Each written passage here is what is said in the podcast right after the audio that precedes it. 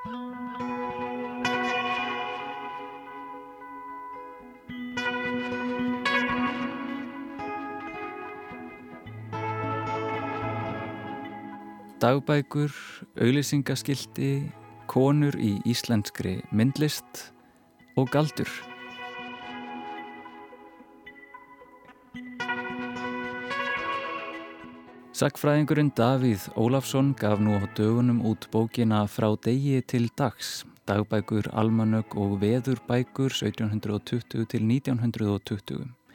Í bókinni skoðar Davíð eðli og umfang dagbókaritunar á Íslandi um tveggja alda skeið og byggir þá rannsókn á sapni dagbóka sem varðveittar eru í handrítasapni Landsbókasamt Íslands. Færslunar sem hann skoðar eru allt frá örfáum orðum um veðurfar til langra tilfinninga þrungina hugleðinga. Við hittum Davíð upp í aðalbyggingu Háskóla Íslands í þætti dagsins. Ólöf Kristín Sigurdardóttir, sapstjóri Listasaps Reykjavíkur verður tekinn tali um nýja rannsóknastöðu sem sapnið er að koma á lakirnar og snýrað rannsóknum á stöðu íslenskra kvenna í myndlistarlifi og myndlistarsögu landsmanna. Við höldum áfram að huga að göldrum í viðsjá.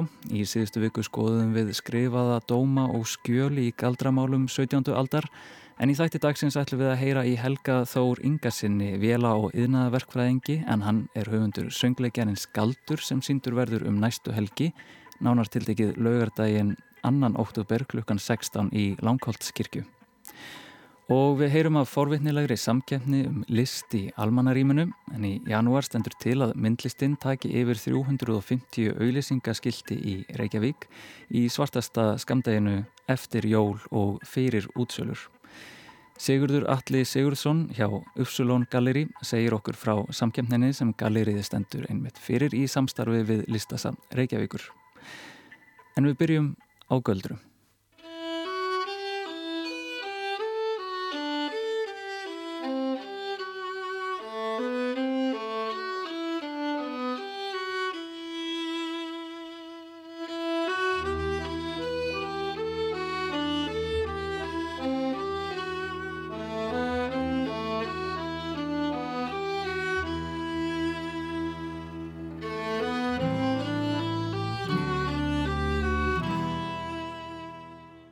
Söngleikurinn Galdur verður fluttur í Langholtskirkju lögardaginn næstkomandi, nánar tildekið þann annan oktober. Söngleikurinn gerist á Íslandi á síðar hluta 17. aldar en það voru heldur betur erfiðir tímar í íslensku samfélagi. En í viðbörulýsingu kemur fram að öfund, ílska og fáfræði séu aflvakar atbörðarásar söngleiksins þar sem ung stúlka er sökuð um galdra. Og á línunni hjá mér er höfundur verksins Helgi Þór Ingarsson, vela og yðnaðarverkfræðingur. Innilega velkomin í Víðsjá, Helgi. Takk fyrir það. Og söngleikurinn Galdur í Langholtskirkju, uh, hvers konar söngleikur er þetta? Hann er fluttur í Langholtskirkju í svona uppsetningu sem maður mætti kalla svona leiklestur. Það er, segja, það er aldrei mikið fyrirtæki að setja upp söngleiki í öll, fullum skrúða Mm. Og það verður ekki gert að þessu sinni en ég er með frábært fólk sko, sem hefur eh, verið með með mér í að þróa þetta. Eitt kór, 60 manna kór, söngfélagið og, og söngstjórin, tónlistastjórin Hilmar Örn Agnarsson og Sýbil Köll sem er svið, senu sviðsreyfingar og þannig að við flytjum tónlistina og það eru einsöngvarar sem að flytja einsöngs hlutverk og kórin syngur með og skapar sviðsmynd og Sýpil hefur uh, fróað dansreyfingar til að gera þetta aðeins raunverulegra og skemmtilegra. Þannig að þetta er, eh, já, uppsetningin er leiklæstur um, með megin áherslu á músikin. Já, er þetta þá eins konar uh, verki í vinslu þá? Já, við getum sagt það. Ég þetta, vonast til þess að, að það koma því einhver tíman að þetta verið sett upp í fullum skrúða í, í leikhúsi með, með sviðsetningu, leikmynd og öllum, öllum þeim pakka en En e, það verður ekki gert að þessu sinni en allavega tónlistin fær að kjóma og ég vona að stemningin og, og skilabóðin svona að þau, þau e, einhvern veginn, fólk skinni það. Já, og uh, þessi sönglugur, er hann búin að vera lengi í fæðingu? Já, byttu fyrir þér. Ég, ég er nú nótur að hjá mér hugmyndirnar og hvernig það er fróvast og ég sé það bara í mínum gögnum að fyrstu hugmyndir eru frá 1998 ég fær rétt með. Já, hérna. og það, já þetta er aldrei langur tími en uh, það er ekki eins og ég hafi setið sveitti við þetta allar tíman þetta er svona gerst í í, í lótum getur við sagt. En uh, inspirasjónin var að ég hef alltaf haft mikið áhuga á söngleikum og það var trúlega á þessum tíma sem ég fór og sá vesalingana í tólíkúsinu og, og þótti það alveg stórkóðslegt og fór að velta fyrir mig hvað er hægt að, að er ekki hægt að búið til söngleik úr, úr svona íslenskri sögu og mér finnst söngleikis nú að ég vil bara um svona einfalda hluti átlíkinu millir góðs og íls og það fannst með einhvern veginn að galdra tímin væri eiginlega bara alveg eh, beint í mask sko, sem, sem svona góð byggingarmynd bara til góðs og íls eh, á Íslandi. Akkurat. Og hefur þau grúskað mikið í, í galdrafarorinu svona meðfram? Ég las mig, ég las mig svona svo lit til, ég, ég fór nú svona ekki á dýftina en, en ég las mig eitthvað til og þurfti að setja mig inn í galdrastafi og, og hitt og þetta og svo þurfti ég að leita mér svona upplýsinga úr, úr lekningsfræði vegna þess að það gerist í þessum söngleik að, í sögunni að, að e, sá sem er svona söguðetinn sem að á að brenna fyrir, fyrir mentagaldra hún, uh, hún kann á lækningajustir og kann til dæmis hvernig maður getur nota glitbrá til þess að, að, svona deyfa hausverk og ég þurfti að fá aðstofn hjá vinið mínu sem er heilaskulæknist að vita hvernig hvort þetta í kjælti einhverju vatni. Þannig að það hefur verið svona rannsóknir að hafa færið fram í gegnum árin á þessu þannig að ég vona að þetta svona haldi í vatni og, og sé rökri mm. en auðvitað þar, það má heldur ekki týna sig allt og mikið, þetta er bara saga, einföld saga um um gott og vilt og svo er ástinn þarna líka í, í gangi og, og, og til er þetta svona ástafsæða.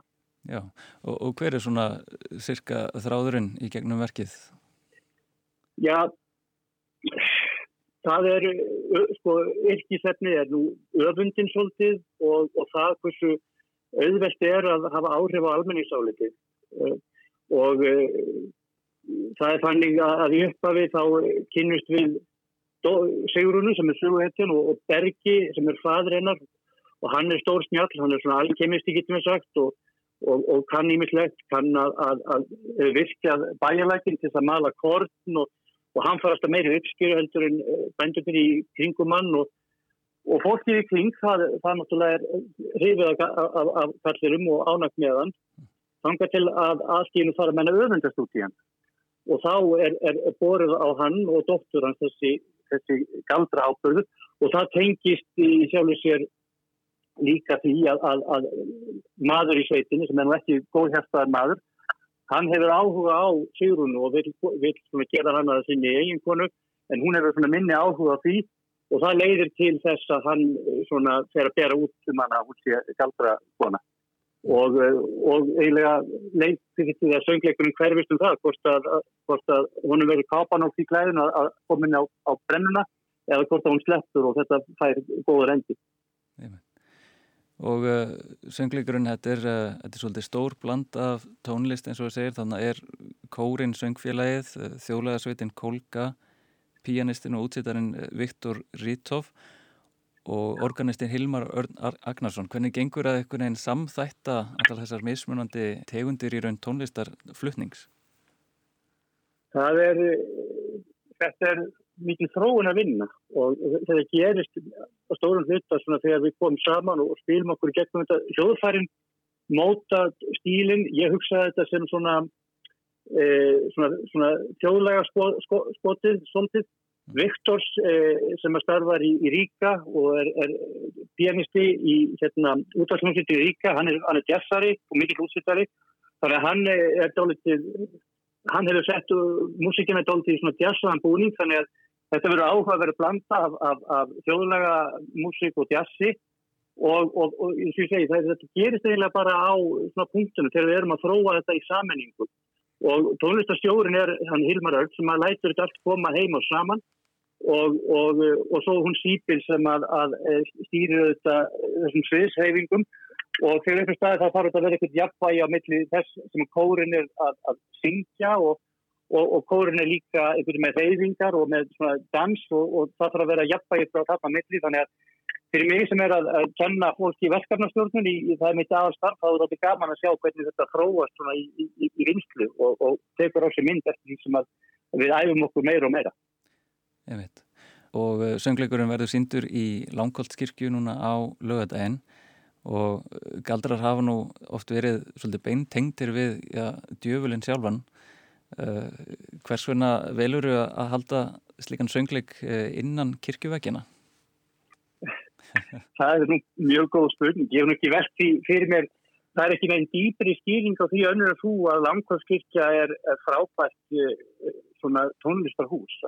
Það er pás fyrir marga árundur og það er gott svið og hægt að leika sér með, með eh, sviðsetningu þó að sé ekki um að ræða leikmunni dýbra fer það nú ekki en, en auðvitað er e, eina sögupersonurum í veskinu er, er biskup sem að endanum hefur áhrif og, og er örlega valdur á, á, í, í þessu veski þannig að, að við getum sagt að kirkjan hún, hún hefur hefur tengingu við veskið en það var aðalega það að við vildum komast bara í gott, uh, gott tónleikahús, gott kórhús. Og ég þekki í langkórskikki mjög vel, ég söng þar í kóra árum saman. Já og þetta er náttúrulega, ég held við séum komin frá því að, að hafa svo, svo mikla trú á þessum göldrum og að það komi beint frá djöflunum sjálfum þannig að ég held að það ætti ekki að vera tiltökum ála að halda þetta í kirkju en uh, þetta er núna næsta lögata klukkan fjögur Já. og það er þessi eina síning bara sem, sem stendur til bóða að þessu sinni og uh, það eru, er miðar á tix.is eða ekki? Það eru miðar á tix og það er best að, að, að kaupa bara miðar á tix svo higg ég að það veri líka hægt að kaupa það eingangin en maður veit svo sem ekkert með áhugan á þessu en, en uh, það er bara eitt spót í þessari bissu þannig að þeir sem vilja sjá þetta og upplifa þetta, þeir verða að tryggja sér miða klukkan fjögur á lögudæg. Emit, um að gera þetta tryggja sér miða. Helgi Þór Ingarsson, takk hjálpa fyrir spjallið og gangið er vel á lögudægin. Takk fyrir það.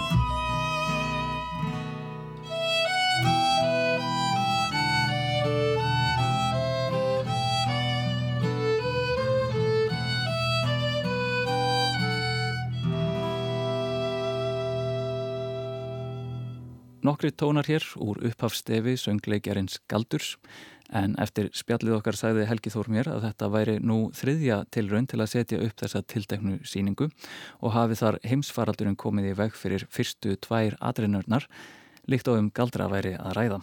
En talan þrýr áða til að leysa álagabönd og því er vonandi komið að því að söngleikurinn Galdur fái að hljóma innan veggja Langholtskirkju nú á lögadaginn. En frá fjölkingi ætlum við að huga að auðlýsingaskiltum í Reykjavík. Fyrir nokkru sáðum við hér við sjá frá óvinnilú galleri sem leynist í gamalli bensinstöð inni í Hamraborg í Kóbói.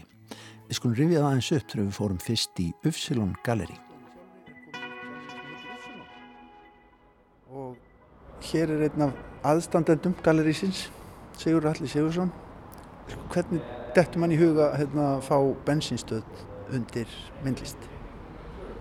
Já, það er hérna, þetta var nú bara eitthvað svona uh, andrúrslótið held ég sem að heitlaði mig upprunlega. Það var hérna, þegar það var hérna bensinstöð og shoppa þá kom ég oftinga bara svona að mér leiði eins og ég var í útlandum sko. Man líður eins og maður sé í, í Stórborg þegar maður er einna. Svolítið svona góð tilfinning sko. Það er eitthvað heillandi við þetta. Já, ég sá alltaf fyrir mér eitthvað skúldur á þann inni sko. En hvernig er það svo vel? Einmitt. En hvernig er þá sko með eignarhaldið á þessu? Hvernig hérna, talið þið við bæin eða hvernig er það? Nei, við bara hefum samband við Ólís og þeir ákvaði bara að lána okkur rýmið í halvt ár. Okay. Þannig að það var, þeim leist svo vel á þetta ja. og hérna það var ótrúlega gott og bara skemmtilegt samtal sem við áttum sko og þá var þetta náttúrulega ennþá bara, þá voru hérna límfilmur á öllum gluggum og, og innréttingar sko úr, úr bensinstöðinni bara margt upprunalegt sko frá bara 72 Já, nú meðum við gera fyrir það hefur verið að keira hérna inn fram og já, nei, nei, það, það sé kannski vera að taka bensin, já hér er nefnilega ennþá, ennþá bensin dæla það er ekki búið að loka fyrir. Nei, nei, þetta er hérna ódýrasta bensinni á svæðinu. Þetta er á Costco verði hérna. Já, alveg magna Þetta var í júni í sumar að Ufsilon Galleri í Hamraborg var opnað en nú stendur Ufsilon Galleri meðalannara fyrir forvitnilegri samkeppni um verk í almanningsrými sem listamenn geta tekið þátt í. Í öðru myndlistar framtaki sem Sigurður Alli og samverkamenn hans standa fyrir, prent og vinir við laugalæk, rakst ég á Sigurður Alla um helgina og baða hann að segja aðeins frá þessari spennandi samkeppni. Já, þetta er verkefni sem heitir Auglýsingarlíða Billboard og við vorum fengið þetta af billboard sem að eiga alla auðlýsingarskjáina um Reykjavíkuborg uh -huh. í strætóskílum og gatnamótum og svona. Og upp kom svo hugmynd að, að gera auðlýsingarlið í janúar. Á milli sko þegar jólun eru búinn útsölunar er ekki byrjar það er ekkert að gerast í viku og þá hérna að fá einn myndlistamann til að sína verk bara á öllum skjáanum í heila viku. Það er sem sagt nokkur dagar sem líða þarna á milli þó að manni finnst þetta að renna saman. Já, þetta er svona einhvern veginn dimmasti tími ársins, jólun er búinn, maður er ekki, vinnan er ekki byrjuð, skólun er ekki byrjaðir og hérna alveg kjöru tækifæri. Síðan verður, það er skipið domnönd og hvernig, hvernig gengur svona fyrir sig? Það er, ekki, er ekki hérna að renna út umsóknarfrestur? Já, það er opið og bara öllum opið að, að taka þátt uh, og það er þetta nálgast eðublaði, umsóknar eðublaði á upsilongalleri.is umsóknarfrestur er til 15. oktober og fólk sækir um bara með hugmynd þetta er svona fyrir okkur opinn umsókn sko. þarf, þarf ekki að vera fullunnið verk eða svo leiðis og já við vildum bara gera þetta almenlega við erum í samstarfi við listarsamn Reykjavíkur og síðan eru sím, sím hérna samband íslenskara myndlistamann að taka þátt í að velja líka með okkur mm. Þetta er vettfangur sem hefur aðeins verið notaður, er það ekki? Jú, þetta er í rauninni svona ég held að allir listnemar fá þessa hugmynd að sína í strætóskilum það er svona einhvern veginn svona almenningsrýmið bara uh, hérna svona einhvern veginn típiska hérna, síningarými í, í almenningsrými sko. en, og þetta hefur verið gert við um heim að nota þessi skildi og náttúrulega ennþá auðveldar að þegar þetta eru skjáir þá er bara hægt að upplóta mynd á skjáin og, en síðan er að leika náttúrulega með formati líka og hvernig myndinar breytast og með staðsetningu líka. Það getur verið mismöndu mynd að morgni og síðan breyst yfir daginn eða, eða yfir vikuna eða á milli staða eða hvernig sem er. Þannig að, þetta, þetta er mjög einfalt en getur líka verið mjög flókið síningar í mig Það er nú oft þannig í myndlistinni hún er einföld en, en síðan er hægt að flækja hana endalust Akkurat. En það er ágætt líka sko af því að við erum náttúrulega búin að vera með pólitíkusa undanfarnar vikur á þessum skildum mm. verður að gefa þeim frí og gefa kapitalismann frí þetta í janúar Já Algjörlega og það verður bara mjög spennand að sjá hvað hvað hérna Reykjavíkingum verður búið upp á þessum tíma. Við fylgjumst með. Takk kærlega fyrir spilli. Já, takk sem leðis. Saði Sigur Ralli Sigursson. Það er við þetta að bæta að listamæðurinn sem ber Sigur og bítum í þessari samkjöfni fær miljón krónur greitar fyrir verkið sem að verður að síningatíma loknum gefið í sapneg listasaps Reykjavíkur auk þess að fá verksitt upp á 350 skjái um alla borgina. Það lítur að vera alltaf sérstatt skemmtlegt. Auðvitað er þetta frábær vettfangur þarna fyrir myndlistamenn að kynna verksinn í almennu rými og lýsa upp svartasta skamdegið í leðinni. Ég er fættur undir fjallinu en mér fjall ekki líf í sveit. Mér varst búskapurinn baslið tónt en borgin gefa fyrir heit og með þungri loks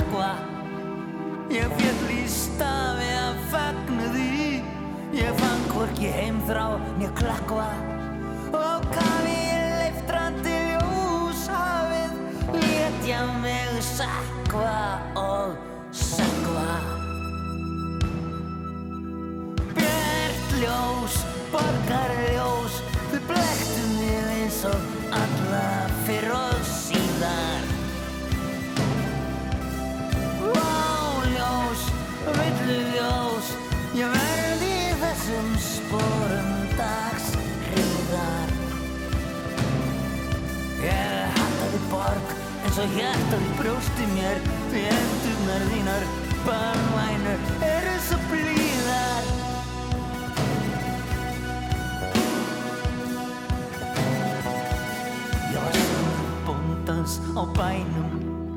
Með blá augu og ljósa lokka. Og drottningar gera sér dælt við mig. Þær vilja dubla við litla nakka þær kvísla mér hásar þú svo rár og ferskur. Hjarta mitt láttu nú klár en þinn brakka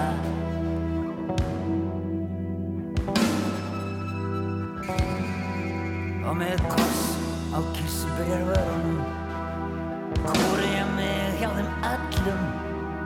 Með augskugga, maskara, eyeliner.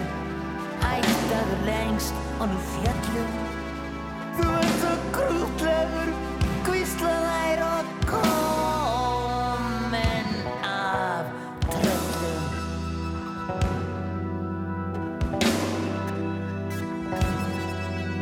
Og þetta er aflið, það er magnast Tím og eilf er varpað fyrir róða Og það snjóar óminni og alsælu.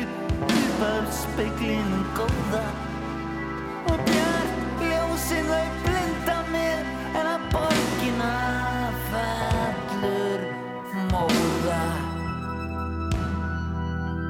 Bjart ljós, borgarljós Þau blinduðu mig eins og alla fyrr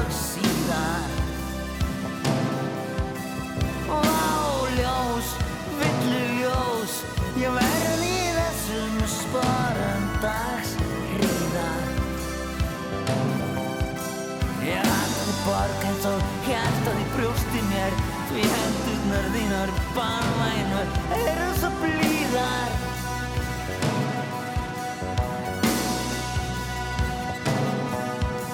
Ég er ekki lengur minna lakkandi brá.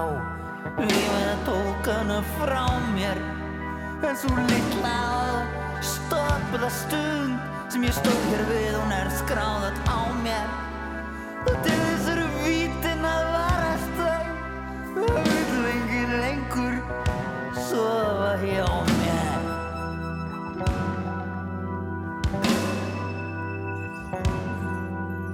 Og þannig fór um ferðina mína.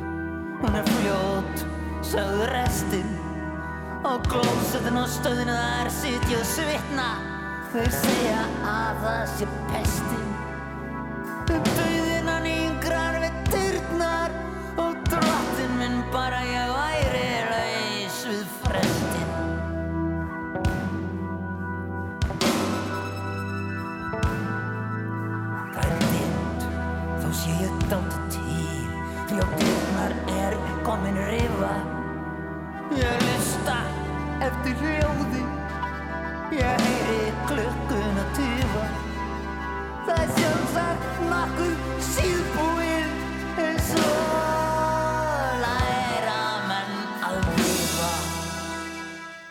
Megas og lagið Björt Ljós, Borgarljós Þar á undan rætti Guðni Tómasson við Sigurð Alla Sigurðsson hjá Upsilon Gallerí um samkeppni um list í almanaríminu. En frá ofinberum upplýsingum í almanarími ætlum við að færa okkur inn í lokaðara rími og skoða dagbækur.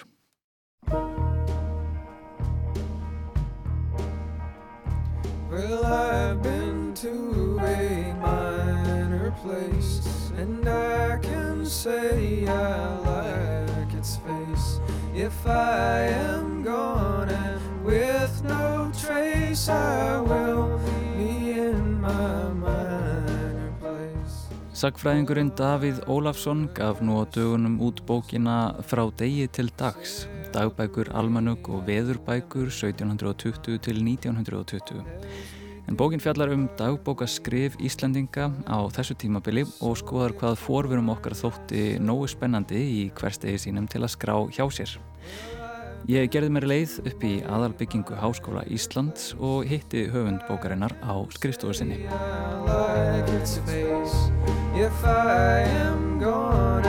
With no trace I will be in my minor place Davíð Ólafsson, velkomin í Viðsjá. Takk fyrir. Og bókinn frá degi til dags dagbækur, almanögg og veðurbækur 1720 til 1920 hvers konar bók er þetta? Þetta er, er afrastur rannsóknar sem er nokkuð gömul sem ég gerði á dagbókum og dagbókaritun Íslendinga. Uh, hún byggir á á safni dagbóka sem er varfitt í landsbókarsafni Íslands. Og það eru um það byrju 250 dagbækur og veðubækur sem eru þar varfittar uh, ég er svona greina uh, þessa, þessa hefð eða þessa menningu uppruna hennar tengingar við kannski aðra, aðra texta eins og, og almanöku veðbækur og svo er ég líka að reyna að setja þetta í samhengi við aðra rítmenningu á þessum tíma sem hefur kannski verið svona mitt helsta rannsónarsvið síðustu, síðustu ár. Og þú uh, byrja bókina á að ræða svolítið hugtækið sjálfsbókmentir og uh, það er svona, já, svolítið svona á milli ímins að hugtaka sem við nótum um já, æfisögur og sjálfsæfisögur og, og þess aftar getur við aðeins útskilt uh, hvað uh, sjálfsbókment er? Já, ég, ég myndi segja að sjálfsbókmentir væru bókmentir þar sem að uh, skrifarin fjallar um sjálfa sig og þá myndi ég segja að það væri bókmentir í, í víðum skilni, ekki bara fagbókmentir heldur líka hlutir eins og dagbækur, hlutir eins og sendibrif og og svo auðvitað sjálfsæfisögur og svona minningaþættir, endur minningaþættir. E, sjálfsbókmyndir geta verið, það væri alveg hægt að taka, leggja viðtöl niður sem sjálfsbókmyndir. Það er að segja að það er bara munlegur, munleg frásögn. Það er eins og í þjóðminnisafnin eru, eru spurningaskrár, í árnastofnun eru viðtöl sem er sapnað frá, frá aðlakast í fólk sem er alveg á 19. öld og þannig að þetta er verið kannski svona svolítið víður, víður sjóður af heimildum þar sem að einstaklingurinn fjallar um sjálfa sig einhverju leiti og ártalið 1720 um, hversuna velur þetta ártal til að byrja? Um, er það upp á dagbúka skrifað einhverju leiti á Íslandi þar? Já, það miðar svona við, við eldstu varvetu dagbækur. Setna ártalið er meira svona valið af praktiskum árstöðum það er að segja að sagt, ég, þá, þá þurftir við ekki að fara annan umgang og, og, og rannsaka allar dagbökur sem hafa komið síðan síðan ég gerði það svona upphálega og, og líka það að, að, að þetta rammar innsóldið 19. öldina kannski svona mjög langa 19. öld af því að 19. öldin er svona kannski hryggjast ekkið í, í þessari rannsókn og þessari svona þeirri mynd sem ég dreg upp af, af dagbókamenningu og rittmenningu Íslandinga. En svona kannski þessi átjöndu öld sem þetta byrjar á, hvað hva enginn er dagbókaskrif frá uh, átjöndu til nítjöndu aldar þá? Fyrsta lægi má, má segja að þessi, þessi fyrsta öld dagbókarítunar enginnist af því að rítararnir eru nær engungu lærðir menn, lærðir kallmenn. Það eru embættismenn, það eru prestar, síslumenn, amtmenn og svo framvegs. Þar sem enginn er þetta líka er mikil áhersla á veðurskráningar og, og, og svona ytri þættir, minni, minni áhersla á innra líf, það kemur setna og verður kannski ekki vending fyrir henn eftir svona 1850 þá byrjar maður að sjá vendingu. Þar sem að dagbókarítanir fer svona nálgast það sem að við þekkjum sem dagbók, sem sálarskoðun, sem innra eintal rítanars. Það einkinni líka átjöndöldin að það er svona þessi tengsl dagbókarítunar og almanaka. Það er að segja mikið af þessum eldstu dagbókum eru reyn og veru svona daglegar festlur sem eru skrifar inn í, inn í almanök og þessi almanök gáttu verið prentuð eða, eða handskrifuð.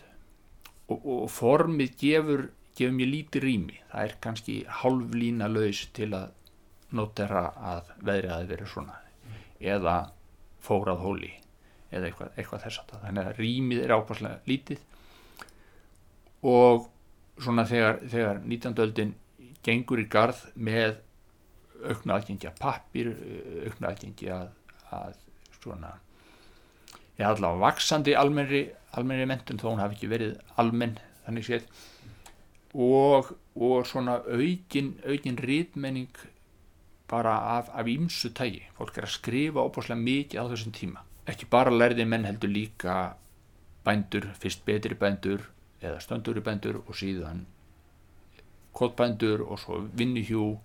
Þannig að við sjáum þetta svona dreifast niður stjættastegan eftir þessum álýður og þessi vending frá kannski svona ytri áherslum og yfir í innra líf þess sem skrifar breytist það yfir langan tíma eða er ykkur svona vendipunktur sem þú sást í, í rannsóknum þínum á þessu?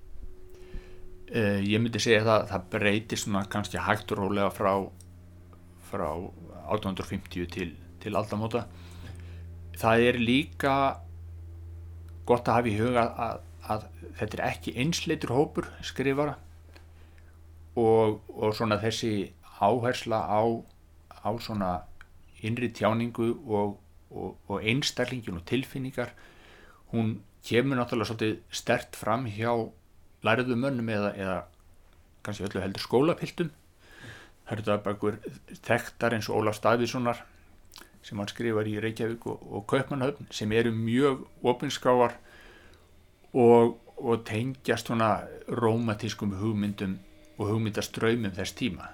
En ganga inn í svona rómatískan tíðaranda ef við horfum hins vegar á, á alltíðumenn sem byrja að að tjá sig millu ofinskár þá, þá er það kannski af öðrum rótum runnið.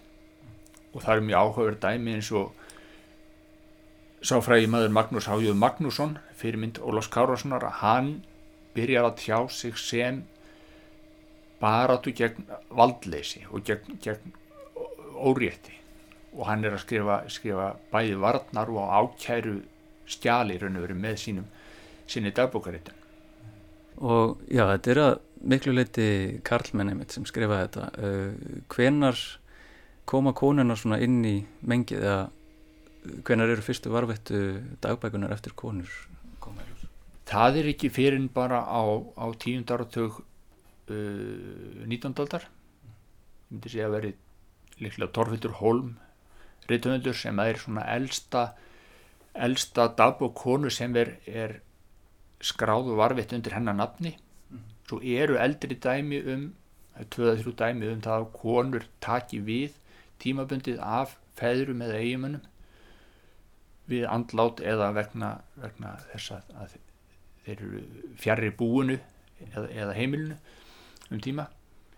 En þetta eru þetta er, er handfylli af, af dagbókum hvenna sem eru frá þess tímbili en þó höfum við það sem ég myndi segja væri ein af allra merkustu dagbókum uh, Sapsins sem eru dagbókur Elgu Björnsdóttur sem hafa verið gefnar út og og verið fjallaðum í, í hérna ímsum greinum og meðal hans útastætti mér að segja. Og, og það er raun og verið algjörlega einstök heimilt, það er svona samfeld skráning e, verkakonir Reykjavík 1950 15 til 22 eða 3 og ofsalega, ofsalega bara merkilegu lestur. Það er svona, það nálgast það bara að vera einhvers konar bókmyndaverk Og og fannst þér uh, einhver svona reygin munur á inntæki dagbóka kvenna á með við Karla á svipuðu tímafili? það er nú kannski erfitt að segja af svona, af svona litlu, litlu úrtæki eða, eða fáum dæmum til, til samanburðar en það eru svona merki kannski um svona eitthvað sem að maður geti kalla svona, svona hefbundin kvennasvið, það er svona það er svona mikil svona umhyggja eða, eða hérna, ummönnun og, og svona þannig, þannig hlutir eru kannski meira áberandi hjá þessum hjá þessum fáum konum heldur en heldur en köllum Nú eru dagbóka rannsóknir í sakfræði þar hafa ekki verið vin vinsælar og hafa kannski ekki ha þótt hafa mikið gildi þar til svona frekar nýlega.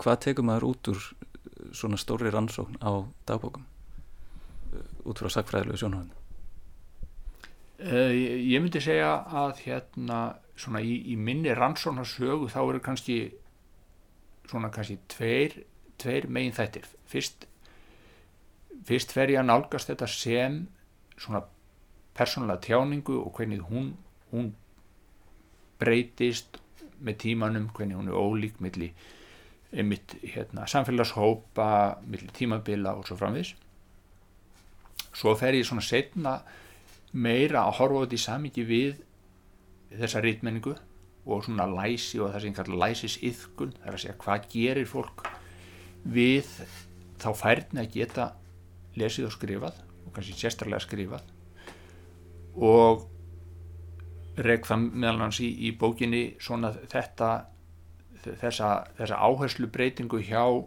hjá yfirvöldum frá því að bóða bara læsi og ég vil það sem er kallað trúarlegt læsi læsi á forsendum kirkjunar sem er alveg frá frá kannski 18. öld og, og vel fram á 19. öld og síðan tekur samfélagið svolítið boltan finnst mér og, og, og hleypur áfram með hann þannig að fólk fer meira að skrifa sjálft.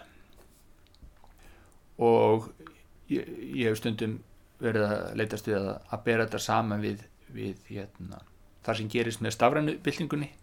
Alltinur er, er notandin farin að vera miklu virkari gera meira sjálfur í staðin fyrir að lesa bara og láta mata sig þá, þá vinnum við vinnum við meira úr tekstunum við hrærum upp í þeim og, og hérna, kommenterum og, og allt þetta þannig ég held að það sé, sé svolítið, svolítið svona vending af, af því tæginu sem verður á 19. það er að fólk verður virkara sem, sem skrifandi skrifandi fólk er öðruvísi fólk heldur óskrifandi fólk og svo kannski ein hérna spurningarlokum að uh, dagbúk eins og við horfum á hann í dag sem fyrirbæri að það þykir mjög heilagt rými. Og það eru með þess að suma seldar með sérstökum lásum á. Þetta eru, þetta eru skræður fyrir okkar innra líf og þetta er mjög personlegt fannst þér þú eitthvað tíman í þessari rannsókn kannski fara aðeins of nærri þeim manneskum sem þú varst að skoða? Liggja á gæjum jáfnvel Nei, ég myndi nú ekki segja það. Ég hafi fengið fengið hérna mikið samverskupið við því. Það er kannski bara tíminn sem, að, sem er líðin þetta er, þetta er það gamalt og, og hérna það væri kannski öðruvís ef ég væri, væri að skoða hluti frá, frá senni hluta 2000 aldar og, og jáfnvel ég vissi að þetta væri amma þessa eða eitthvað eitthvað svo leiðis, það breytir kannski sjónarhóttinu en en að þú nefnir þetta með þetta með enga sem enga skjölin þá, þá eru náttúrulega kom, koma fyrir alls konar útgáður af rittskoðun eða, eða lókun það er ímist leiniletur sem er til í svona ymsum afbyrðum og mis, mis erfitt að, að ráða í. Það er eitthvað starri dæmi um, um það sem maður sér að, að hluti nokkra blæsviður hafi verið innsiklar með vaksi saman það eru dæmi um, um mjög grottalega grottalegan nýðurskurð þar sem beinlinis skorið eða klift út úr dagbók. Og það er kannski þessi áhugaverða þversögna það á saman tíma er vilji til að varveita þetta. Og, og maður getur að segja að sama fólkið hafi klift úr dagbókinni og sett hann saman Þessu góð loku orð. Bókin frá degi til dags ætti að vera til í all flestum bókabúðum landsins. Davíð Ólásson, takk hjá fyrir spjallið. Takk takk. Fire burned and blew out flowers. Showing me its comely powers.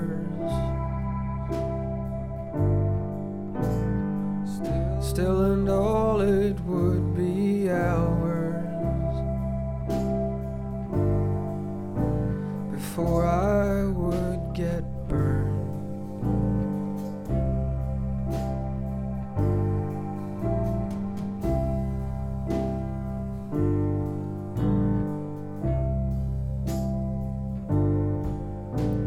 Someone mowed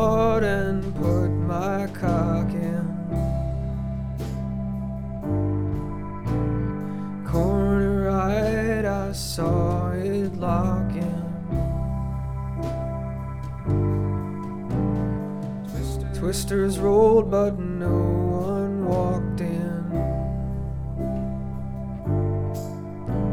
And only love was learned.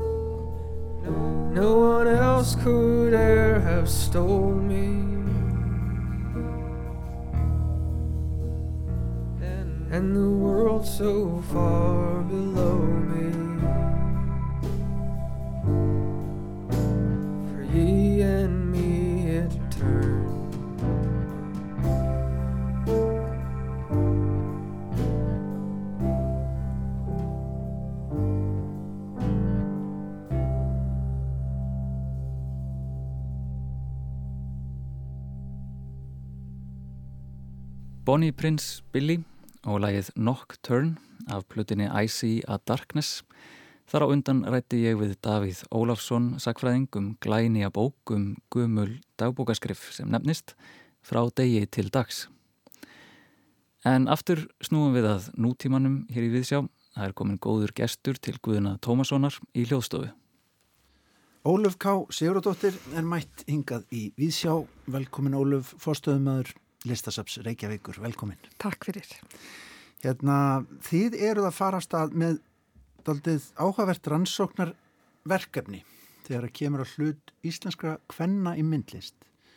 Eh, ef ég spyrir fyrstu bara hvað er aðkallandi af því að maður fylgist nú ágætlega með myndlistarfeltinu eins og út það er farið. Mm -hmm. Það er rosalegur fjöldi kvenna að vinna að myndlist allavega í samtímanum. Það er búin að vera það í ára tugi. Já, það er mikið, mikið, mikið meiri hluti kvenna það er á ferð en, en vantar rannsóknir á því sem það er skilja eftir sig. Já, þetta allavega, þetta, þetta verkefni sem við erum að fara af stað með sem að er, um, fekk öndveið styrk frá Sapnasjóði sem er þryggjára styrkur sem veittur er til þess að uh, gefa rannsakendum uh, byr til að kanna það hvort að, að hlutur hvenna í íslenskri listasögu sé hugsanlega vanmetin eða mætti á einhvern hátt endurmeta og þetta talar svolítið inn í, inn í það sem eru að gerast alþjóðlega. Það er að segja að það er verið að, að taka upp síðar hluta 2000 aldarinnar og skoða hvernig hver hlutur hvenna er í þeirri sögu. Já. Og í ýmsum listgreinum, maður sér það, til dæmis í bara í tónlistinni þá er verið að lifta uh, verkum hvenna. Algjörlega og, og kannski er þetta alveg tímabært að hérna, eða ekkert kannski, samfærðum að þetta er tímabært. þannig að það er félagsmörg tækifæri í þessu og, og svona inn í hvað þetta talar hjá safninu, við erum náttúrulega með um, safnegn sem er ansi þjætt skipuð körlum Já. og höfum áhuga á því að, að hérna leggja okkar til í, í því að endur skoða hlut hvenna í íslensku listasögu við vorum með síningu á verkum Eiborgar Guðmundsdóttur fyrir nokkrum áru síðan og, og fundum hversu svona uh, gríðarlega mikilvæg svo síning var. Heldur betur, mjög minnistæði síning. Minnistæð og, og minnistæð líka fyrir þar sakir, ekki bara það að þetta var glæslega síning, heldur líka fyrir þar sakir að einhvern veginn hafði hún leið þarna svona mestuleiti óbætti á gardi. Mm. Það er að segja, margir þekktu þetta til hennar úr myndlistarheiminum en svona Lisa Breykjakurna er til gríðalegs fjölda gesta og, og þarna höfðu við tækifæri til að, að breyða hennar hugmyndir og, og list mm -hmm. út á meðal fleiri. Ja, þið voruð að skoða áskeri búadóttur mannir á kjárfastöðum svo er líka kannski má nefna högmyndagarð í, í hérna sem sérstaklega ætlaður verkum hvenna í hljómskólagarðin? Vissulega, þar, og þar var ráðist í það verkefni til svona að, að leitast við að rétta hlut hvenna í, í ofinberi myndlist í, í Reykjavík og, og skemmtileg, skemmtilegt verkefni þar sem er, eru verk eftir valdarlistakonur sem endur spekla á hvenna á hvern tíma í, í ofinberi myndlist í Reykjavík. Mm. Hvernig er þetta að hugsa? Þið búið til, er það ekki rannsóknar stöður eða, eða Jú, hvað? við búum til stöðu sem að uh, Safnarsjóður kemur okkur í og, og líka listfræðin við Háskóli Íslands er, er í, inn í þessu faglega mati á þessum verkefnum. Uh, og uh, erum núna að auglýsa hann að lausa til umsóknar, þetta er halvstaða í heilt ár eða sem, þetta sem svara sex manna stöðu, hvernig sem hún er unnin. Við gefum heilt ár til að skila verkefninu. Mm -hmm og við vitum svo sem ekkert hvað kemur, hvort að þarna koma tilugur að því að rannsaka list einhverjar ákveðnar einnar konu eða hlut hvenna í einhverjum ákveðnum stefnum eða ströymum innan íslenskar myndlistar. Við, svona, svona, við erum svona frekar að horfa til setniluta 20. aldar það er svona og, og samtíma sko ef að, ef að einhvað er undir þar sko en safni hefur svona frekar verið að einbeta sér að uh, síningu á verkum listamanna sem eru svona eftir eða svona setni hlutu 20. aldar mm -hmm. og eftir miðja, miðja 20. aldina en það er hins vegar allt undir mm -hmm. og hvort sem að þetta verður síning á verkum einnarkonu eða margra, þá held ég að þetta verði áhuga að verða skoðun. Þetta er þryggjára verkefni. Uh, við erum núna að auglýsa verkefni til eins árs. Það er að segja, nú fær fáum við vonandi góðar hugmyndir inn og einhver sem fær næsta árið, semst árið 2022 til að stunda sína rannsókn. Og síðan líkur rannsókninni með síningu á kjárhólstöðum og útgáðu sem henni fylgir og síðan náttúrulega bara öllu því sem fylgir síningum hjá okkur, það er að segja miðlun og umræðum og, og svo náttúrulega finnst okkur og, og líka listræðinni við háskólan mikilvægt að um, viðkomandi komið sínum niðurstöðum og framfæri á, á, á reytrindum vettvangi eða fái kvata til þess að minnstakosti að, að svona fara lengra með þessar rannsóknir. Mm. Og svo er sem sagt eitt svona verkefni árið í þrjú Já, ár? Já, eitt svona verkefni árið í þrjú ár. Aha. Sko, það er nú ekkit svo langt síðan að það var gefin út hérna mikill hundlungur, þryggjabindaverk, íslensk listasaga eh, í þremur bindum. Um, þar var aðeins talað um kynja hliðina þegar þessu bók kom út. Já. Já, eða er bækur. Þannig að eh, sko þetta er tækifæri til endurskoðunar. Á þess að við séum eitthvað að kasta rýrið á það sem þegar hefur verið gert eða þá myndlistamenn sem hafa marka spóri í íslensku listu við verðum ekki að segja að þeir ekki skilja að hafa sagt, njóta þeirra virðingar að aðdána og segja njóta. En það sem við erum að velta fyrir okkur er hvort að einhverjir eða einhverjar hefðu átt að fá hérna annan sess mm -hmm. hefðu átt að vera á einhvern hátu metnar með öðrum hætti og það getur verið svo margt sem liggur þar til grundalar mm -hmm. og þetta er einmitt sko kannski aldrei ólíka aðferðafræði hafa mikið til dæmis talað um er, það mikla ritt að það væri kannski bara full svona mikið klappa í stein ég menna saga og sögurskoðun er eitthvað sem að breytist og þróast með tíðaranda, ekki satt? Algjörlega og líka og veist þessar þessar rannsóknir sjáum við sem innleg inn í, inn í framtíðina. Mm. Það, er ekkert, það er ekkert endanlegt mm. en það er hins vegar tækifæri núna til þess að horfa tilbaka og, og aðtuga hvort að hér sé ekki eitthvað sem að, sem að mætti betur fara. Mm. Eitthvað sem veitir kannski líka áhugaverða sín á íslenska myndlist. Mm. Nýja áhugaverða sín á ákveðna þætti. Af því að þú eh, hefur Já, ertu auðvitað með þína skrifstofunir í Hafnarhúsi og við erum að tala um konur í listasögunni. Þá höfum við hér í Vísjá verið að fylgjast með máli sem er þar í þróun í því ágita húsi. Það er að segja nýtt um Nínu Tryggvadóttur og verk hennar. Vissulega. Getur þú eitthvað gefið okkur stöðtöku á því? Já, ég veit ekki betur en að það sé bara að, að renna í hlað, sko. Já. Þannig að það verður, og það er líka mjög áhugaverð, áhugaverð, uh, áhugaverð sapn sem þar er að koma til Reykjavík og borgar mm. og verður um, alveg örglega til framdráttar myndlist hvenna í íslensku listasögu. Já. En ekki á, þið eruð ekki gerendur í því verkefni? Nei, ekki, ekki, nei, við erum það ekki. Nei það eru spennand að fylgjast með því en þetta eru allavega nákvæmlega ykkar hann í húsin. Já, já, já og, það er náttúrulega bara spennandi hlutir framöndan hvað var þar húsið því að, að borgastjóri lísti því yfir á opnun hjá okkur ekki alls fyrir lengru að, að, að Hafnarhúsi er því húsmyndarinnar ja. og við verðum nákvæmlega hús Orsins sem er borgarbókasafni við hliðin okkur þannig að ég held að þessi tækifæri fyrir uh, gríðarlega öflugar og, og áhugaverðar menningarstofnanir þannig í miðborginni ja ég sagði orðið stopnun, er, við erum alltaf stopnun en við erum líka ótrúlega fjölsóttur vettvangur þar sem að fólk upplifir sína eigin menningu á mjög fjölbryttan hátt. Já. Við verðum að nefna hérna í lokin að hínu húsinu ykkar eða hínu stóra húsinu á kjarvarstöðum þar er að opna líka spennandi myndlistarsýning með verkum konum, við munum fylgjast með því. Já, er, við erum að opna e, um næstu helgi síningu í síningaröð sem við erum búin að vera með núna síðustu fimm ár.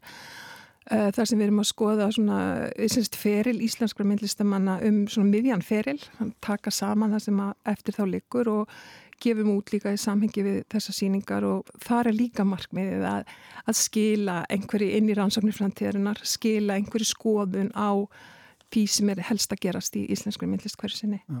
Og kjárvastöðum verður að Guðni Rósa Ingimarsdóttir sem er að opna hana hjá okkur. Það, það verður hennar verk sem við kynum á, á. Já, spennandi. Við munum fylgjast með því örukur megin við næstu helgi en Óluf Kristín Sigurdóttir, takk kærlega fyrir komuna í Víðsjá. Takk fyrir mig. Sagði Ólöf Kristín Sigurðardóttir, sapstjóri listasaps Reykjavíkur um nýjar rannsóknir á hluta kvenna í íslenskri listasögum. En lengri verður við sjá ekki á þessum rólega mánudegi. Við verðum hér aftur á morgun kl. 16.05.